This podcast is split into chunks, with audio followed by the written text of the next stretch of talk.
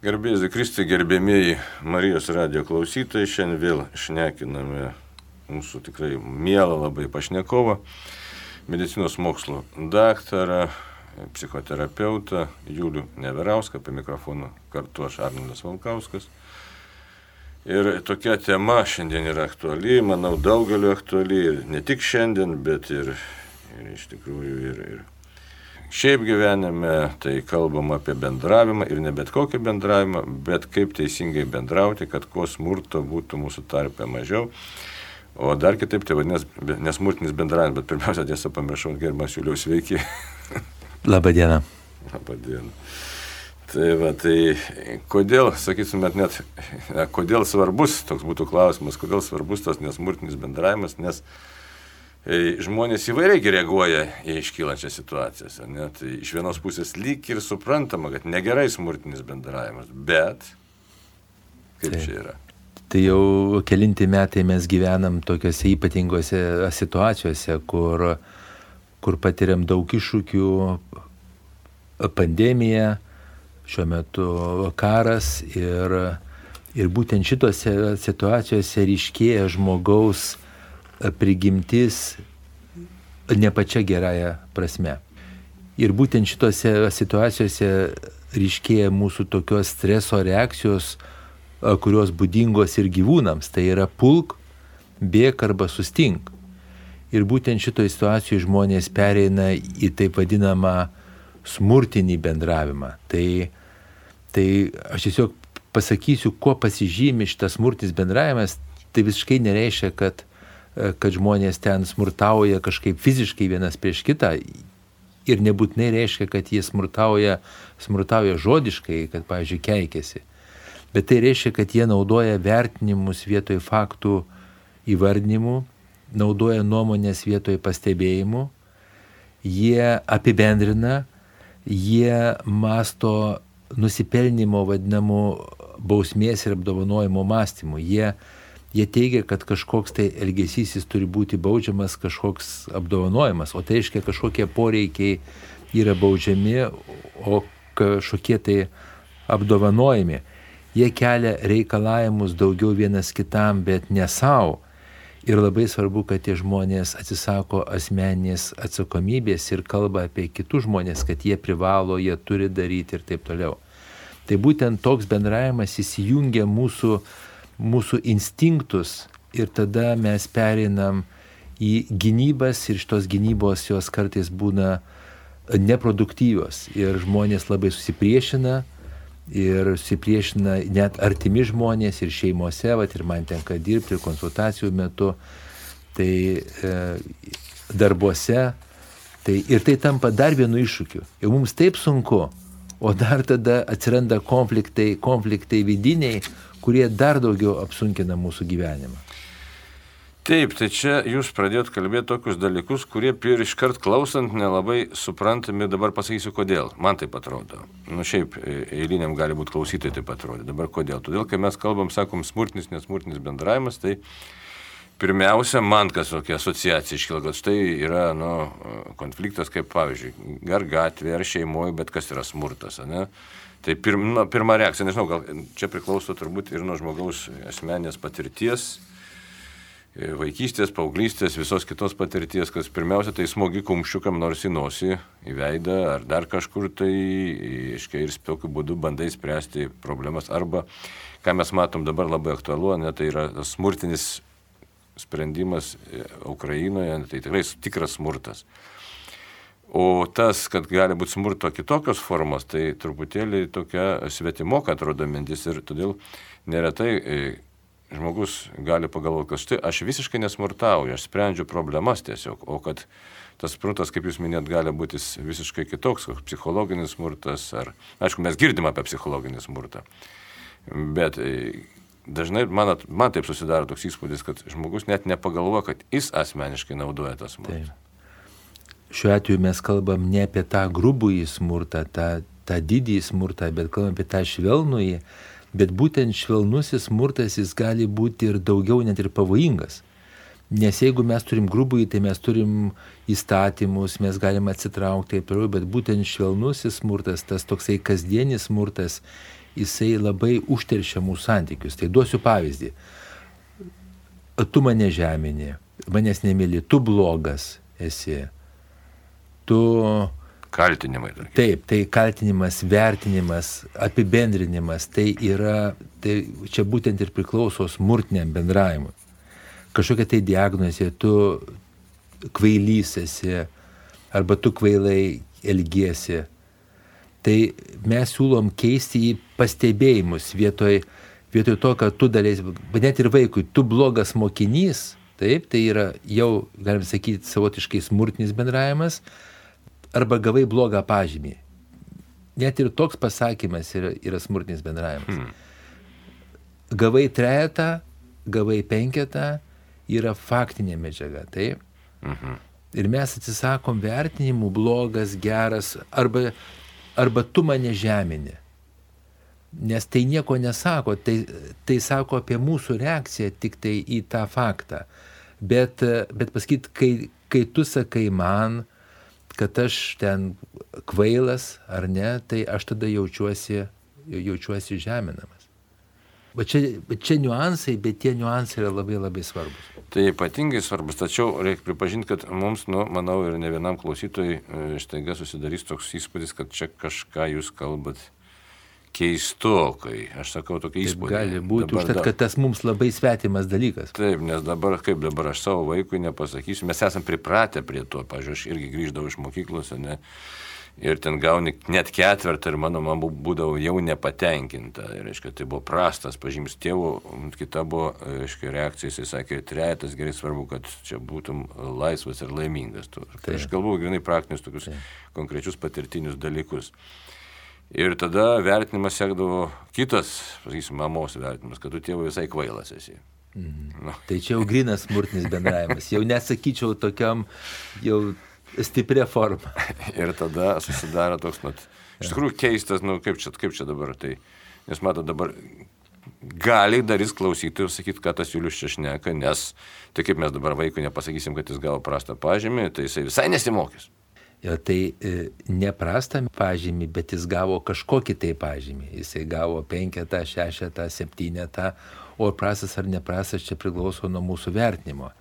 Tai mes galim taip pasakyti, kad jeigu tu gautum vienu balu desnį pažymį, tai tu mane pradžiugintum dar daugiau.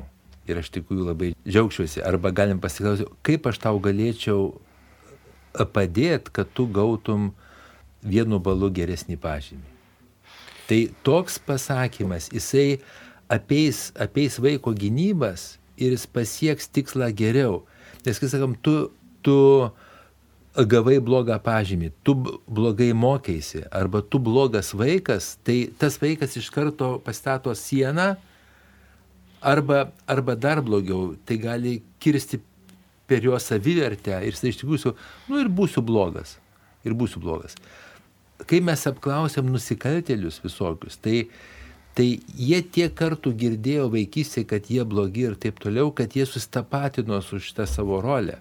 Ir tada jie nori, bet jeigu dar nusikaltėlis yra narcistiškas, tai pasidar smegenyse va taip suturmavo, kad jeigu aš jau blogas, tai būsiu pats blogiausias iš visų. Mhm. Va. Tai gal jūs galėtumėt, nežinau, čia pagal tą mūsų, tiesiog jūsų tas turimą tokią mintį, gal paaiškinti, kuo yra pavojingas toks smurtinis bendravimas ir kuo jisai skiriasi, kuo kontrastuoja su nesmurtiniu bendravimu. Kad tiesiog galėtų pasiekmes tas pamatyti. Taip, taip, bet pasiekmes yra, yra pačios svarbiausios pasiekmes yra tai, kad mes tada statom sienas, o ne tiesiam tiltus tarp žmonių. Kai mes įvedam vertinimą, kai mes įvedam kaltinimą, kad va kitas žmogus privalo, turi ir taip toliau, kai mes netkreipiam dėmesį į jo poreikius, į jo poreikių priežastis, sakyta, kai mes tų poreikių nepripažįstam ir nevalidizuojam, tada mes pastatom sieną su tuo žmogum. Ir tada bendrystė dinksta. Tai mes siūlom e, klausti pa žmogų, o kokie tavo poreikiai, kokie tavo elgesio motyvai, užduoti atvirus klausimus. kas tave paskatino elgtis vienu ar kitu būdu, o neiti į kaltinimus, įvertinimus, apibendrinimus. Čia būtent yra skirtumas. Bet, nu tai čia toks įdomus dalykas, čia keliariopas jis yra. Dabar žiūrėkit, keli dalykai yra. Sakysim, santykis su vaikais tėvų.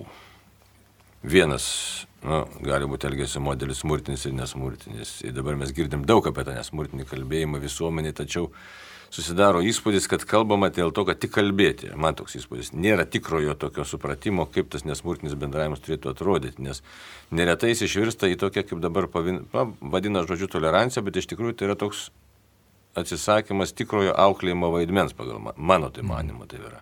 Tikrosios atsakomybės. Tai vienas dalykas darbe, kur nors tarnyboje santykiai, smurtinis, nesmurtinis bendravimas, jisai vėlgi, aišku, ir įgauna visai kitokį aspektą. Draugų tarpe, e, kažkokios tai pažįstamų, nepažįstamų, už tai, kad daug tų tokių yra tikrai sudėtingų situacijų, kai mes galim šiek tiek ir pasimesti, jeigu nežinosime pagrindinio tikslo. Tai čia dabar kur yra tas to tikslų reikalas, man toks vaizdas. Mes faktiškai esi, esam dabar mūsų visuomenė orientuoti į rezultatą. Ir aš pagal save tiesiog, nežinau kaip jūs, bet norisi to rezultato pasiekti kuo greičiau, nes mūsų visuomenė spaudžia iš tikrųjų. Nu, konkurencija, tai kiti panašus dalykai.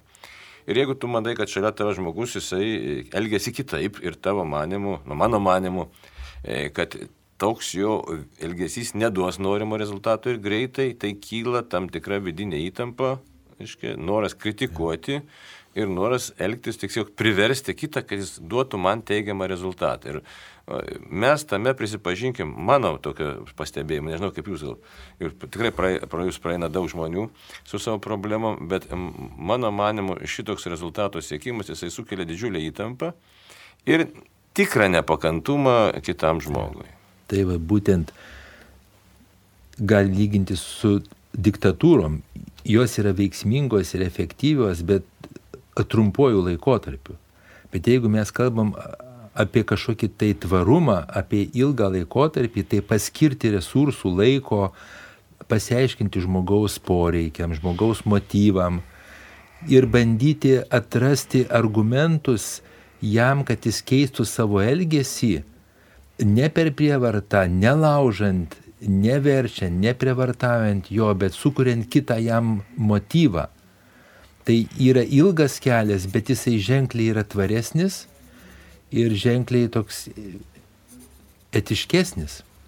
Ne per bausmę, ne per apdovanojimą, ne per prievartą, bet per aiškinimąsi būtent žmogaus ir pagarbą jam. Būtent jeigu mes turim žmogų, iš tikrųjų jo įsitikinimai, jo taisyklės, jo vertybės yra jo, Ir kai mes bandom jam primesti savo, va, vienu kirčiu, tai pačiu geriausiu atveju, pačiu geriausiu atveju jis gali elgtis taip, kaip mes norim, bet viduje jisai patirs atskirti ir jis pradės mūsų, mūsų mažiausiai nemėgti. Mažiausiai nemėgti.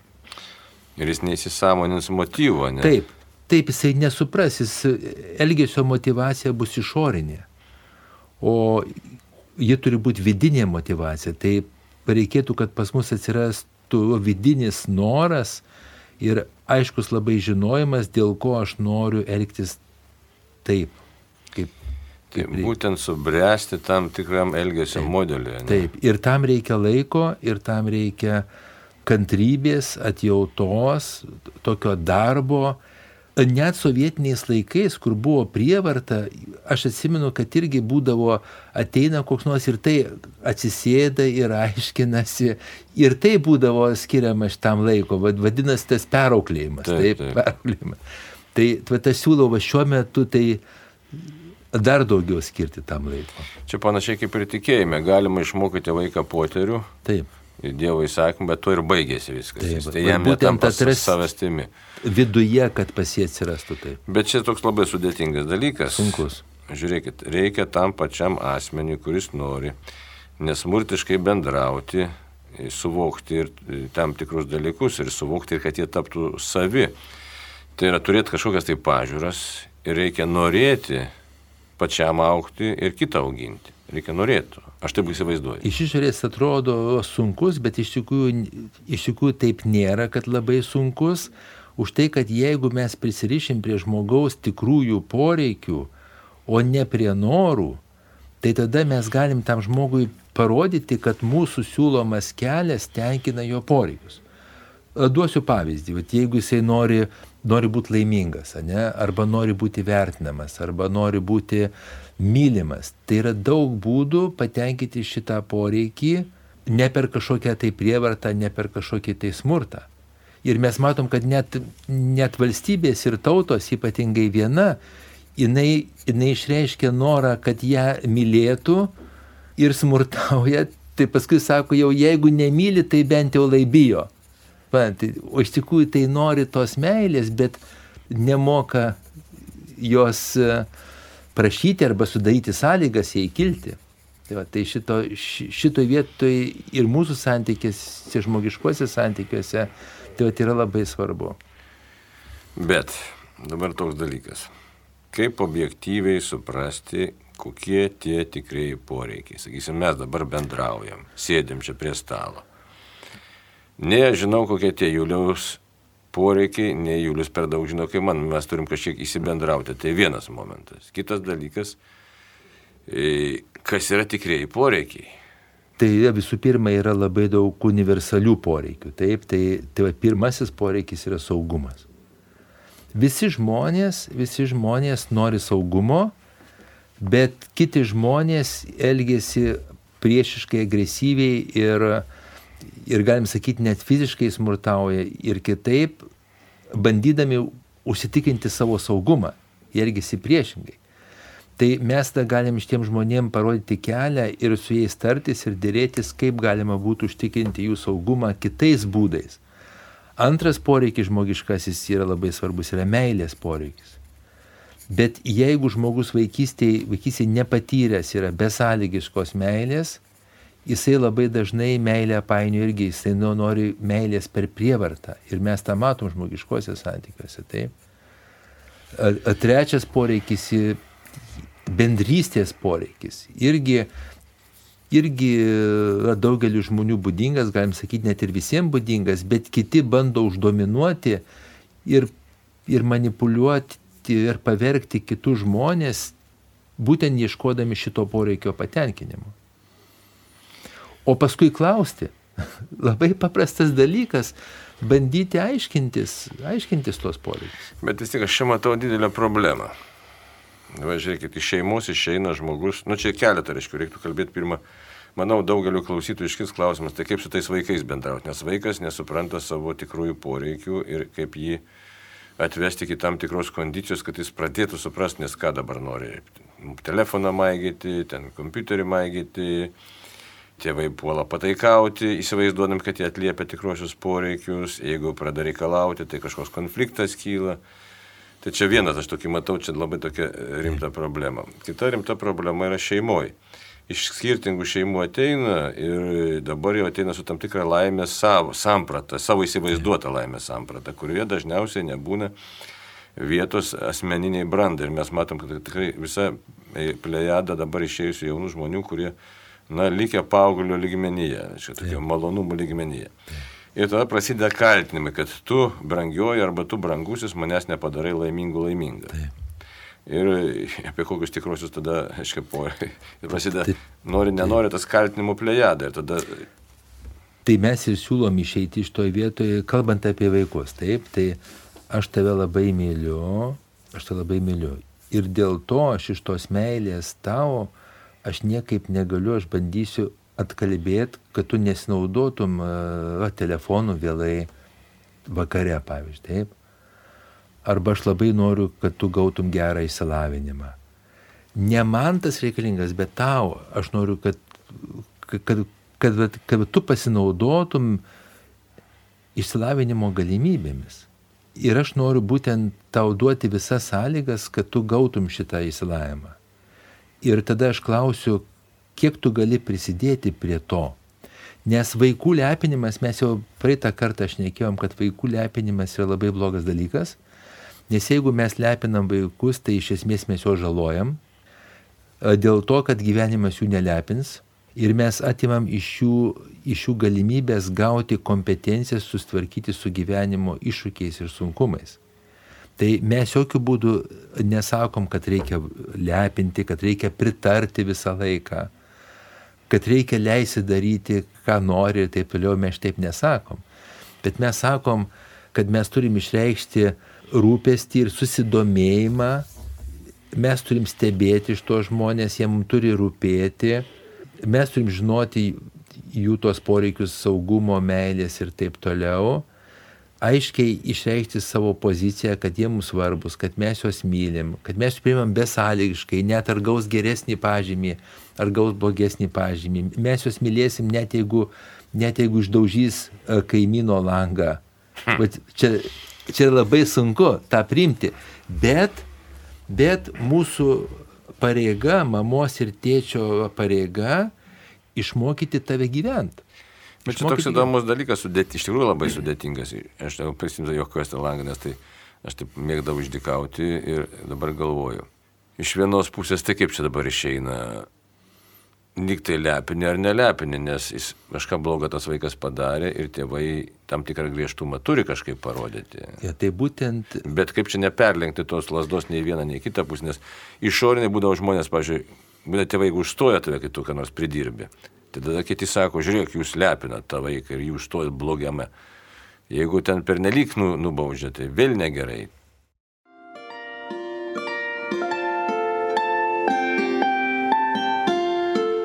Jūs girdite Marijos radiją.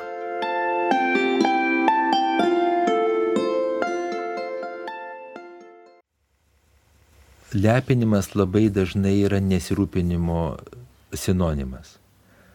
Lepina vaiką labai dažnai tie, kurie, kurie nori, ai, kad tik tai man nekvarštų galvos. Nes jeigu mes norim auklėti vaiką teisingai, mes turim aiškiai jam nustatyti ribas, jis turi žinoti iš anksto, jis turi matyti, kad mes irgi šitų ribų laikomės, kad mes laikomės ribų. Jis turi matyti šeimos vertybės, kad yra laikomas. Tai turi turėti šeima tas vertybės. Tai būtent, būtent, jeigu mes norim laikytis vienų vertybių, o savo vaiką mokom kitų, mums nepasiseks, aš iš karto galiu. Ir tvarkos tam tikros. Taip, būtent. Ir tada net ir auklėjimo nereikia. Va, jeigu mes patys labai gražiai laikyti, mes perspėsim vaiką, nes mūsų tikslas yra mokyti vaiką, o ne įmuštruoti. Dabar norėčiau dar vieną modelį, jeigu man pakomentuotumėte, realų mm, labai iš gyvenimo. Reiškia, Šemiskevičiaus gatvėje Kaune, aš vaikystėje gyvenau ir čia dar buvo žydų tautybė žmonių aplinkui nemažai taip gražiai sugyvendavom ir, nu, nežinau, čia papasakosiu, kaip buvo. Ir duant po to, kad žydaitės buvo, kartu gyveno šalia, vieno žodžio, mačiutė jam namavo. Ir grodavo pianino jas ten, reiškia. Ir kaip įdomiai skirnės auklėjimo forma, bet aš galvoju, ar čia bus smurtinis ar nesmurtinis, galėsite įvertinti. Tas žydas, reiškia, tėvas jau sakytų, ui, sako, nu, tą pagroja vaikas, reiškia, ir sako, ui, tai ten Saša ar kaip ten Barjaša, nesimenu. Jaša turbūt. Ir sako, žinai, gerai groji, ui, sako, bet sako, dar turėtum penkis, kad pa, pa, pakartot bus dar geriau. Tas pagroja dar penkis kartus, ui, sako, tu dar, sako, dar pakartok penkis kartus. Ir taip toliau, ir vos ne visą dieną. Žodžiu, aišku, rezultatai buvo geri, bet toks auklimas galvoju, hm, jokių priekaištų nebuvo, nebuvo, kad tu blogai groji. Tai čia, bet galvoju, tame vis tiek kažkoks tai yra ir toks spaudimo elementas. Neaišku, nes, nes jeigu mergaitės motivacija buvo tapti labai gera pianistė, arba gera tenais kažkokia tai muzikantė, tai gali būti, kad visiškai ne. Nes čia, čia būtų smurtinis bendravimas, jeigu jisai, sakyt, ta mergaitė sako, aš noriu eiti, eiti šokti į baletą arba, arba noriu lengvą atletiką, jis sakys, ne, pasakiau tau, kad, kad grosi ir viskas, čia mano, mano žodis yra paskutinis, aš išlaikau šeimą ir aš, tai, tai būtų tada ta, toks gynas smurtinis bendravimas, bet jeigu ta mergaitė nori groti ir jinai nori sieja savo ateitį su tuo. Ir jis ją ir pageria, ir paskatina, dar ir vėl pageria, ir paskatina. Ir dabar išgirskim, būna kartu su ją. Nes kai jūs pasakojate, aš labai, aš labai girdėjau, net įsivaizdavau, kad tas tėtis vaikšto aplink tą instrumentą muzikos ir būna kartu su savo dukra ir jos klauso. Čia yra super. Čia yra labai, va, žydai, tarp kitko mes visi žinom, kad žydai moka auklėti savo. Gal ten visokių žmonių, bet, bet aišku, tokie įstrigo dalykai, žinote. Na, o gerai, o šeimoje tada ateina du nelabai brandus asmenys ir, ir, ir viens kitą kaltina, kad tai čia ką daryti. Pasodinti ir klausti, o kokie jūsų poreikiai yra. Ir tada atskirti poreikius nuo norų. Nes, pavyzdžiui, sako, aš noriu, kad nu, turėti kažkokią tai, ten, nežinau, brangią mašiną arba noriu važiuoti atostogas į užsienį. Tai kokį poreikį tu tenkini su va tokiu elgesiu ir bandyti įsiaišti, gal noriu pajausti pranašumą prieš kitą. Tai, tai va yra daugiau būdų įrodyti savo savivertėje, ne? Arba, nu, žodžiu, bandyti, bandyti ieškoti, kokie poreikiai ir pats svarbiausia, bent jau aš klausiau, jeigu jūs kartu atėjote čia, tai reiškia, jūs turite interesą labai aišku, kas jūs jungia. Stinga? Tai vad, kas jūs jungia? Ir aš pradėčiau aiškinti su jais, kas juos jungia, kaip jie susipažino, kas viens kitą ten pradėjo žavėti, kodėl susitokė, kas būtent e, lėmė, kad jie apsprendė susituokti, kokios svajonės buvo, kokios svajonės bendros ir taip toliau. Ir sujungti viską į tą, į tą tokią bendrystę. Bent jau aš taip elčiausi. Kalbam apie nesmurtinį bendravimą ir e, tikrai dar primenu, kad tikrai gali atrodyti keistai, kad štai, sako, mama ar tėtis, ar, ar aš niekada ten rankos nekėliu, net balso nekėliu, o mano artimieji sako, kad aš tai esu smurtautojas. Tai yra kritikuotojas, kaltintojas, kalties sukėlėjas, pats toks baisiausias yra, kad jis net nekaltina, bet jisai sukelia kaltę savo vaikams ypatingai arba savo artimiesiems. Tai čia yra pats toksai, arba gėdą sukelia, taip tai irgi, irgi labai smurtinės bendravimo formos.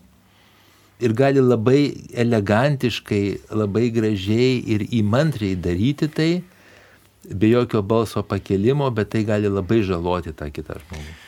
Labai įdomus irgi dalykas yra, sakysim, yra tokia knyga Mano gyvenimas, Mahatmos Gandhi parašyta.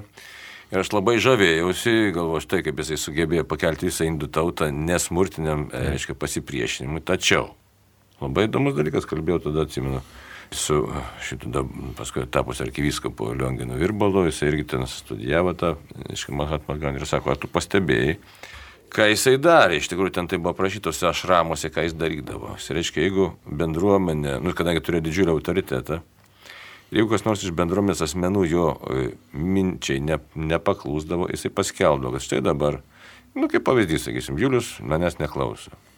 Ir aš paskelbiu viešai bendruomenį, kad štai aš dabar, todėl kad Julius nepritarė ir kad kažkam priešinas, aš dabar sėdėsiu vidurio aikštės ir tris dienas pasnikausiu ir nevalgysiu. Tai. Ir visi žiūri kaip į priekaištą, aišku, iš pradžių žiūri, kad štai lyderis pasnikauja ir visi tą Julių ima žiūrėti, nu, smerkiančių žvilgsnių. Ir galų galę žmogus psichologiškai palūšta, nusileidžia ir paklūsta. Tai štai tokia buvo paskivertinimo, kad štai vis dėlto labai keistas paradoksas, kad e, neginkluotas pasipriešinimas buvo okupantams, tuo tarpu vidui tuose bendruomenėse tai iš tikrųjų psichologinis teroras buvo naudojamas. Mhm. Labai daug žymių žmonių pasižymi tuo, nes jeigu jie sutelkia galę, čia yra daug labai niuansų. Tai visų pirma, jeigu jie nori sutelkti galę, jiems, jiems reikia šitaip elgtis nes jų tikslas yra toksai. O paskui gaunasi atviršis dalykas, kai jie sutelkia galę, jie pradeda savim perdėtai pasitikėti ir savo galiomis ir jie, jie, jie tada pradeda piknaudžiauti jomis. Bet jisai pasnikaudavo, jau kalbant apie jis pasnikaudavo ir dėl karo, kad tenais, kad tenais nebūtų ir taip toliau jis naudojo pasniką kaip tam tikrą įtakos priemonę, galim sakyti. Tai jeigu mes kalbam apie karą, tai aš vertinčiau kaip tokį teigiamą dalyką, bet kai jūsų pasakojimas sako, tai vertinčiau kaip gryną manipulaciją ir šiuo atveju smurtinį bendravimą. Nes, jisai, nes jis pasinaudoja kitais, jis pats lygtai atsitraukia. Ir dar kai va čia tas jo toks pasnikavimas dar yra, aš čia ne prie ko, aš atsitraukiu, o jūs čia susitvarkykit. Suprantat, jisai toks truputį, nu sakyčiau, kontroversinis dalykas, bet kalbant apie žymiausius žmonės, nenoriu čia vardinti, pas juos visko buvo. Iš viso, jeigu labai žmogus kažkoks išskirtinis, tai ten ieškok visko. Kita vertus, ar mes galim pasakyti, kad mes nenaudom smurtinio bendravimo? Turbūt ne vienas. Visi e, nėra nei vieno žmogaus, kuris visai nenaudoja, nei vieno žmogaus. Bet tik tai klausimas, kiek, kur ir su kuo. Tai, tai, va, tai va, pavyzdžiui, jeigu mes jį naudojam prieš, prieš aiškiai silpnesnius, kaip prieš savo vaikus, arba savo partnerius, arba kažkokius tai, nu, nežinau, aš esu gydytojas, tai va, aš žinau, kad yra gydytojų, kur, kur tam tikrą bendravimą naudoja prieš savo pacientus, tai, nu, mano gal, arba mokytojai. Daugybė mokytojų naudoja smurtinį bendravimą. Daugybė. Aš esu patyręs pats daug kartų. Tai, tai va šiuo atveju sunku pateisinti. Na ir gerai. Smurtinis bendravimas, kokias jis gali, net, na, prasme, tikrai ne vietų ir ne laikų, gal taip ir sakykime, tas perdėtas, nesmurtinis kaip čia, nežinau, ar čia taip teisingai sakau, kokios gali būti jo pasiekmes. Tai vieną mes aptarėm, tai yra atitolimas žmonių, tai viena pasiekmė, bet kita pasiekmė gali pas tą, pas tą kitą pusę vystytis piktis, priešiškumas ir taip pat smurtas. Ir mes aiškiai matom aplinkose ir mokyklose ir kariuomenė ir kitur, kad jeigu tik tai yra leidžiamas smurtinis bendravimas, jisai tada užsisuka, galim sakyti, spirale. Ir taip pat, aišku, tai veikia žmonių savivertę ir, ir, ir visuomenę daro žymiai silpnesnė. Ir aišku, tada, tada bendrystė eina į šoną, sutelkimas eina į šoną, etikos principai eina į šoną. Ir, ir galim ta... sakyti, žmogiškumas eina iš šono. Ir tai tampa bendravimo norma, tarp kitko, ir paskui labai taip, sunku žmogui priimti, taip, kad taip. gali būti kitokių bendravimo modelių. Vaikai auga taip ir mes matom, kad yra, kad yra tautos ir visuomenės, kur, kur va, tik tai toks bendravimas praktiškai yra. Tai tokiu būdu didžioji dalis visuomenės tampa sužeista visiškai. Taip. Būtent. Ir net neįsivaizduoja kitokio pasaulio. Ir patys paskui pradeda žaisti kitus. O čia pas blogiausia. Na, o kaip bendrauti nesmurtiškai, tada ką, ką mums daryti, nes čia... Pirmas žingsnis yra stebėjimas. Ir kai mes norim, mes tiesiog, bet jeigu mes turim poreikį, mes esam santykyje ir, me, ir tas žmogus elgesi kažkaip tai, kas mums, kas mums netinka, tai mes išsakom tam žmogui kaip pastebėjimą. Aš jau praeitą kartą mes esam irgi kalbėję, kai tu, kai tu naršai savo telefonę va, tuo metu, kai aš kalbu labai svarbius dalykus, tai aš tik tai pastebiu. Nesakau, kad tu blogas, tu, tu niekšas, kad tu manęs nemyli, kad tu manęs neklausai. Aš nesakau taip. Arba aš tau nerūpiu, bet aš, aš tik tai pastebiu, kas vyksta. Arba sako, tu ant manęs rėki. Tai irgi yra savotiškai, čia gali jums sunku suprasti, klausytoja mūsų, bet tai irgi, irgi yra vertinimas. Bet reikėtų pasakyti, tu kalbi garsiau negu aš norėčiau.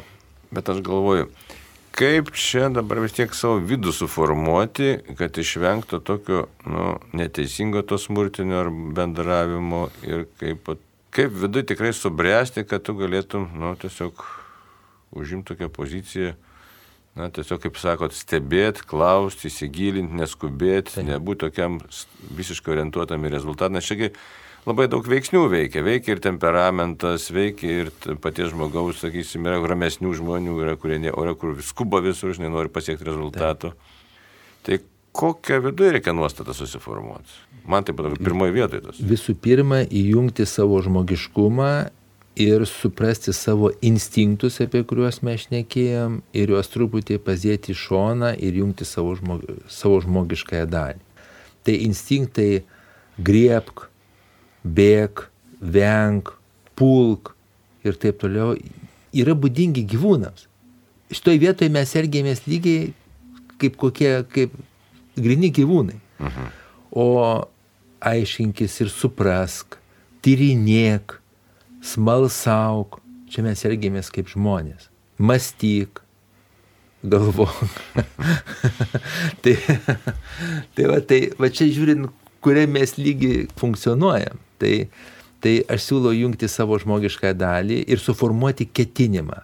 Aš žinau, kaip religinėse praktikose, bet psichoterapinėse praktikose per mažai dar, bet aš ypatingai populiarinu šitą aiškiai žinoti ketinimą, kad aš ketinu dabar mokytis nesmurtinio bendravimo. Ir aš nuolat prisimenu tai ir nuolat grįžtu prie savo ketinimo ir su permaininga sėkme siekiu to. Nes, nes aišku, aš paslysiu, be jokios abejonės. Bet, bet jeigu mano ketinimas yra kažkoks, tai jeigu aš pravažiuoju vieną kartą rūno šviesoforą, tai nėra taip, kad aš visą laiką važiuosiu per rūno šviesoforus, ne? Na, ja. tai vad mano ketinimas yra aiškus ir aš tada, tada, tada siekiu jo. Nes čia labai svarbu, dabar nemažai jaunų žmonių kreipiasi kartu su tėvais, pas jūs kreipiasi ir Taip. pas kunigus kreipiasi. Taip. Tokie nelaimingi ir tie jauni žmonės, tėvai stebisi, sako, viską daviau, žinai, ir batų, ir, ir taip toliau, ir nu ko tik nori, suknelių, ten kelnių ir taip toliau. O vaikas manęs neapkenčia. Ir tas vaikas sako, tikrai, šneki su merginam ar vaikinu, ten 15-16 metų ar panašiai, ar ir vyresniai, sako, nu, sako, nekenčiu savo mamos ar savo tėvo. Nors tie atrodo visą gyvenimą tiesiog viską darė, kad patenkintų kažkokius tai ten poreikius ir įtiktų tiem vaikam. O pasirodo, kad tam vaikui reikėjo visiškai ko kito. Ne tuos poreikius tenkina. Ir aš klausiau, o, o- kiek tu buvai su savo vaiku? Kiek tu aiškinasi, kaip jis jaučiasi? Ir kai tavo vaikas grįždavo iš mokyklos, tu klausti tėvai ko? Ar kokį pažymį gavai, ar pastabą, ar klausdavai, kaip tu jautiesi, arba kaip tu jautiesi. Tai vaikai, kuriuos mes užtvindom daiktais, jie gali dar desnį priešiškumą mums jausti už tai, kad tada jie dar jaučia, kad mes tarsi, tarsi s- visai vat atsisakom jų poreikius tenkinti meilės, prisirišimo, buvimo kartu, e, ten bendrystės, o, o juos bandom nupirkti. Toks gaunasi, sakykim, dar blogesnis variantas.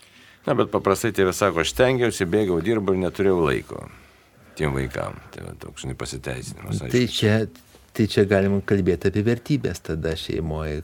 Kas buvo vertybė, čia irgi instinktas kaupti ar ne, ten dirbti, gyvenom nepritekliu ir tai, yra, ir tai labai suprantama, kad, kad pa žmonės buvo orientuoti labai smarkiai į, į tuos bazinius dalykus.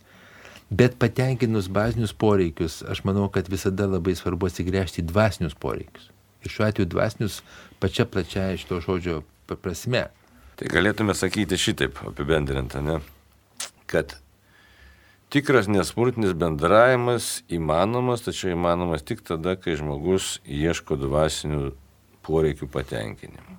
Taip sakyčiau. Būtent, būtent ir pats nesmurtinis bendravimas jau labai kvepia dvasingumu.